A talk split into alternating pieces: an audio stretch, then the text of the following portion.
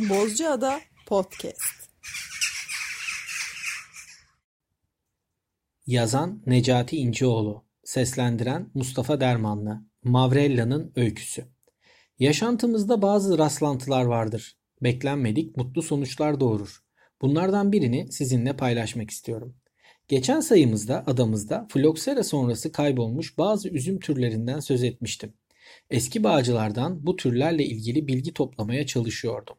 Geçen yıl Feraye ve Lütfi Tınç'ın bağında kayalıkların arasında yaprağı tanıdığım üzümlere benzemeyen bir asma gördüm. Üzerinde tek bir salkım vardı. Salkımın olgunlaşmasını beklemeye başladık. Ancak solkum, salkım olgunlaşmadan çocuklar tarafından koparıldı. Biz de bu yıl gelecek üzümü bekledik. İyi bir budama sonucu asmamız onlarca salkım verdi. Küçük, seyrek taneli bir siyah üzümdü. Bir salkımı aldım, çarşıya indim, rastladığım eski bağcılara gösterdim. Hepsi bunun olasılıkla yabani bir asma olduğunu söylediler.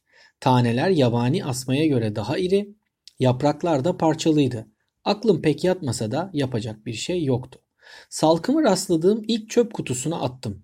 O anda tam karşımda ada bağcılarından yorgi buğday vardı. Koşup çöpten salkımı ve yaprağı aldım. Ve yorgi şu üzümü tanıyor musun dedim.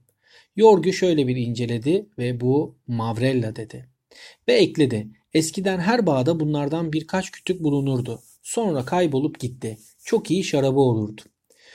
Çok gösterişli olmayan küçük salkımlı, küçük taneli Mavrella adaya Kuntura'nın gelişinden sonra olasılıkla ekonomik bulunmadığı ve yerli Rum halk büyük ölçüde adadan ayrıldığı için yavaş yavaş bağları terk etmiş.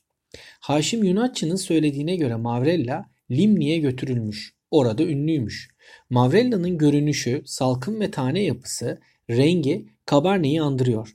Kim bilir Mavrella belki de Cabernet'in atalarının yüzlerce yıl önce Himalayaların eteklerinden ya da Kafkasya'dan başlayan ve Fransa'dan sonuçlanan yolculuğundan adamızda kalan bir izdir. En azından üzüm kültürümüz yönünden unutulmaması, yaşatılması, yaşatılması gereken bir iz. Bu bilgiyi Hüseyin Dinçer'le paylaştım. O bağ kahyası Hüseyin Eroğlu'nun bundan söz ettiğini, terk edilmiş eski bağlarda başka örneklerin olabileceğini belirtti. Üçümüz bağlara gidip araştırdık ama üzümler kesildiği için yaprağından emin olamadık. İçimde bir kuşku vardı. Acaba bulduğumuz gerçekten kaybolmaya yüz tutmuş bir tür müydü? En iyisi bunu Dimitri Papamiri'ye sormaktı. Dimitri ile birlikte bağa gittik. Dimitri ilk bakışta bu Mavrella dedi ve hüzünle ekledi. Bir zamanlar çok güzel şarabı olurdu. Tınçlarla birlikte birkaç arkadaş Mavrella'yı çoğaltmaya çalışacağız. İsteyenlere de aşılık vereceğiz.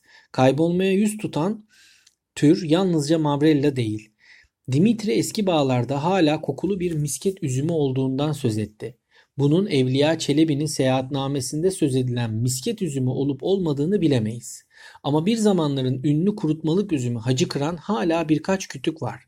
Külleme hastalığı ilk Hacı Kıran'a geldiği için eskiler her bağa birkaç tane Hacı Kıran dikerler ve ona rasatçı gözüyle bakarlarmış. Adanın eski bağcısı Süleyman Aydın artık yetiştirilmeyen balbal, Ağustos üzümü, kara musul, dikenlice, alamusa, kabak üzümlerinden söz etti. Türleri kaybolma yolunda olan. Adanın bu türlerin yansıtıldığı, tanıtıldığı ve sürdürüldüğü bir asma bahçesi olamaz mı? Çocuklarımıza miras olarak Şili kökenli Red Globe ya da Avrupa kökenli Alphonse, Kardinal, Merlot, Malbec yerine Çavuş, Vasilaki, Karalahna, Hacı Kıran, Misket ve Mavrella'nın yer aldığı bir asma bahçesi.